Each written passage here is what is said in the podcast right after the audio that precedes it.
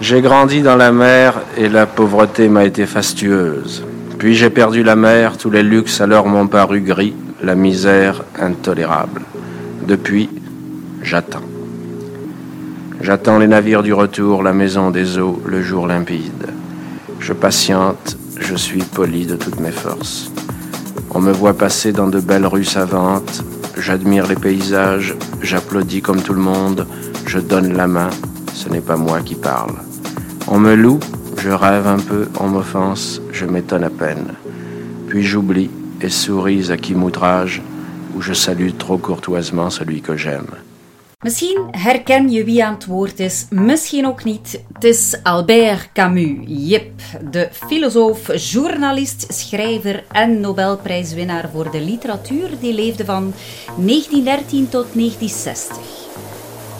Nu, onder het motto Ken je klassiekers ben ik begonnen aan zijn boek La Peste. Over de uitbraak en de sociale impact van een pestepidemie in de jaren 40 in Oran, Algerije. En ik ben duidelijk niet de enige, want het boek beleeft een echte renaissance in heel Europa momenteel. Bonjour, pourtant la crise à laquelle fait face la majeure partie de la planète aujourd'hui, un auteur l'avait décrite à sa manière pour une autre épidémie, c'était Camus en 1947 avec la peste. Les premiers cas de coronavirus en France. It's apparently based on a cholera epidemic in the mid-19th century in the Algerian city of Oran. Alors en Italie, il est en tête des ventes, en librairie et sur l'Amazon italien. D'une nouvelle catastrophe, et c'est en ça que la peste de Camus aussi Ja, de pestrevival komt er dus duidelijk niet alleen omdat het in 2020 60 jaar geleden is dat Camus overleed. Ja, dat was in een tragisch auto-ongeval, samen met de neef van zijn uitgever Gallimard.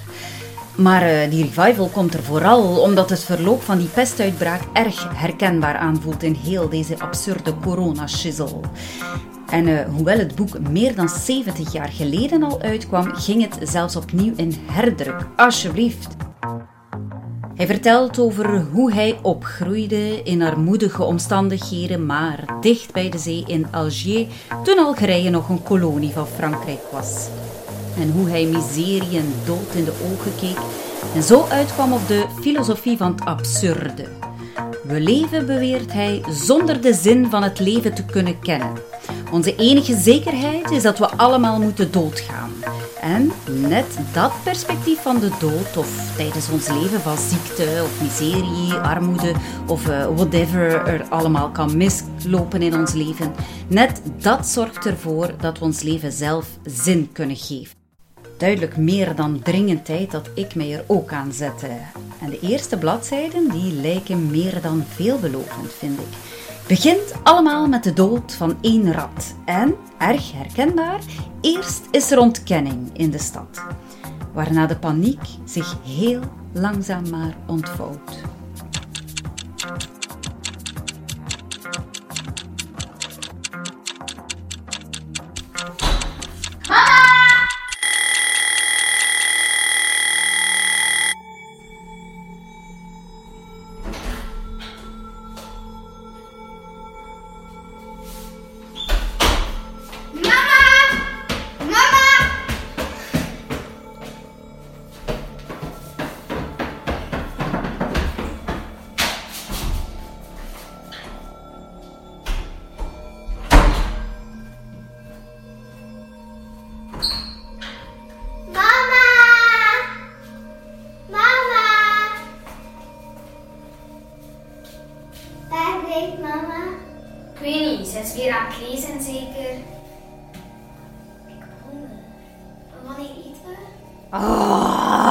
Zo gaat dat, hè? lezen met drie kindjes in huis.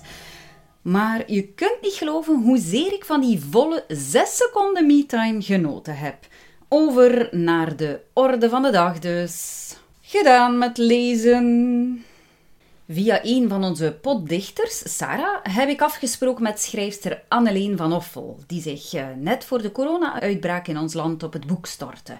Perfect om haar gedachten te vragen over waarom mensen nu opnieuw massaal de weg naar deze klassieker vinden. En uiteraard gaat het in deze niet om een fysieke afspraak, maar om een videomeeting. Best eerst wat voorzorgen nemen. Uh, ja, koptelefoon, uh, goed, micro in de aanslag, check. Eh, ja, kindjes naar buiten sturen. Check. Best een beetje lekkers voor hen meegeven, dat ze hier niet binnen ja, zes of vier seconden terugstaan. Check. En uh, ja, ook de kat buiten bonjouren. Uh, check. Ready. Dag Anneleen, leuk jou te ontmoeten en welkom in onze podcast Poddicht, die we begonnen zijn naar aanleiding van de corona-lockdown. Dankjewel dat ik jullie gast mag zijn, op afstand. Om te beginnen, Anneleen, kun je jezelf kort eens voorstellen aan onze Poddicht-luisteraar. Wie ben je en waarvan uh, zou men jou eventueel kunnen kennen?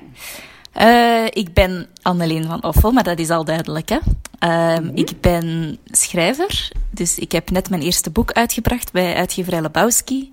En dat heet Hier is alles veilig. Een titel die nu heel goed van pas komt om allerlei mopjes rond te maken.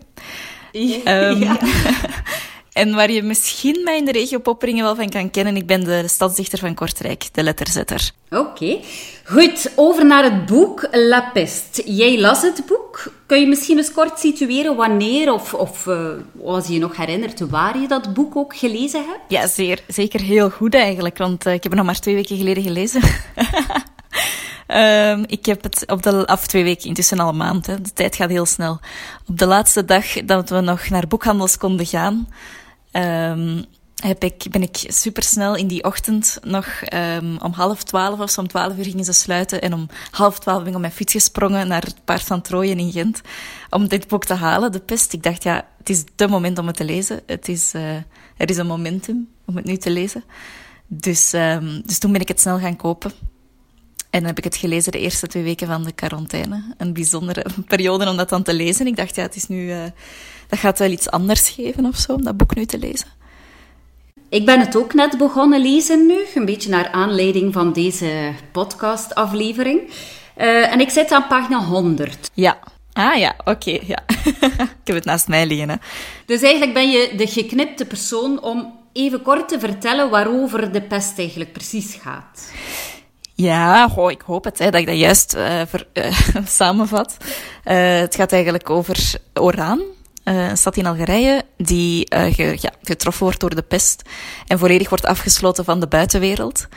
En het, um, we volgen een dokter die eigenlijk uh, ja, doorheen alle fases van die pest, hè, de, de grote uitbraak, het hoogtepunt, de piek, zoals ze dat dan nu zeggen, tot, ja, tot uiteindelijk het herstel van de stad. Um, en met hem ook een heel aantal andere personages die elk op hun andere manier met die epidemie omgaan. Over naar de schrijver, Albert Camus. Weet jij ook, uh, heb je dingen opgezocht over hem of heb je, wist je daar iets over? Weinig eigenlijk, schaamtelijk weinig. ik kan hier door de mand vallen hè, als literatuurliefhebber. nee, ik kan hem natuurlijk wel linken aan Sartre uh, en, en ja, aan Parijs. Um, ik heb De Vreemdeling ook gelezen, maar dat is echt heel erg lang geleden. Um, het existentialisme, het voelt zo'n beetje als... Uh, als uh, de slimste mens. Ja, zo vijf de, de kernwoorden. ben ik er al? Ja. ja. je hebt er al drie, nog een paar misschien.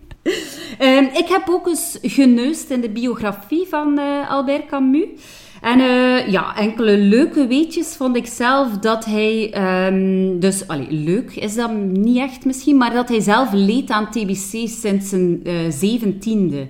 Dus dat hij echt de dood zelf ook in ogen uh, gekeken heeft, op jonge leeftijd al, en dat hij daardoor eigenlijk ook een beetje dat absurdisme aanhangt. Wat ik ook leuk vond om te lezen was dat hij eigenlijk wel een, een man vol levenslust was. En dat hij ook heel passioneel in de liefde was. Dus okay. dat hij, hij is twee keer getrouwd, niet zo super lang. Bij zijn eerste huwelijk is het spaak gelopen omdat uh, wegens wederzijds bedrog was. Dus dat vond ik wel leuk om, om lezen zo. Uh, en dat een heel mooie man was ook. Uh, een beetje Zuiders type. Dus ja, dat zijn ja. dingen die ik onthoud. Oké, okay, ja. Nu, wat vond je nu zelf van die klassieker La Peste? Wat is jouw mening daarover? Vond je het goed? Vond je het steen goed? Zou je het aanraden? Ik heb dat waanzinnig graag gelezen. Ik, uh, ja, het is een heel erg leesbare klassieker. Hij is heel spannend, hij is heel grappig. Er zitten fantastische passages in die eigenlijk um, ja, die, die echt over onze tijd ook nu gaan. Dus die, die ook echt wel een raam openzetten in je hoofd en iets met een andere blik kan laten bekijken. Dus ik heb dat eigenlijk van begin tot einde echt uh, heel, erg, heel erg graag gelezen. En dat is toch echt een boek dat mij gaat bijblijven. Waarom lezen mensen het boek nu massaal, denk je? Ja, omdat het heel actueel is natuurlijk. Hè? Ja. Het is de, het, het, moment eigenlijk om literatuur ook een extra blik te geven op de realiteit en op de actualiteit. Zelfs al is het een boek dat uh, geschreven is, God, toch al een tijd geleden, hè? Ja, in 47 was het, 1947. Kijk, voilà. Dus, um, dus dat, is echt, dat is echt een serieuze tijd geleden. En toch zegt dat iets over vandaag. Dus dat is ook de kracht van literatuur. Het lijkt me daarom ook niet per se zo onlogisch dat mensen net nu ook uh, daarnaar teruggrijpen. Niet per se omdat ze meer tijd hebben, maar ook omdat we nood hebben aan iets wat meer zegt dan alleen maar uh, de nieuwsites en alle analyses. Dit gaat over onze ziel. Dus die herkenning heb je er zeker in gevoeld? Ja, de feiten die gelijkaardig zijn. Het is bijna één op één wat we nu beleven.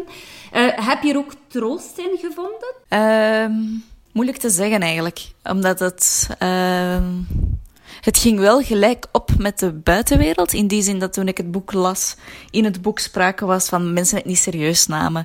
En dat er gewoon mensen nog altijd reizen bij leven boeken en uh, op reis vertrokken zelfs. Ja, dat was in begin maart, dus dat, toen gebeurde dat ook nog altijd. Dus de eerste mhm. dagen van de lockdown zijn er effectief ook nog ja, mensen gewoon vertrokken. Dus, dus in die zin liep het gelijk op. Was het dan troostend? Goh, op een of andere manier wel troostend natuurlijk, omdat je weet van uh, het wordt beschreven, dus het is niet... Uh, het is niet onwerkelijk of het is niet uh, speciaal aan deze tijd. Maar anders, anderzijds vond ik het ook wel een uh, diep treurig boek hoor. dus echt heel veel globale troost heb ik daar niet echt uitgevonden.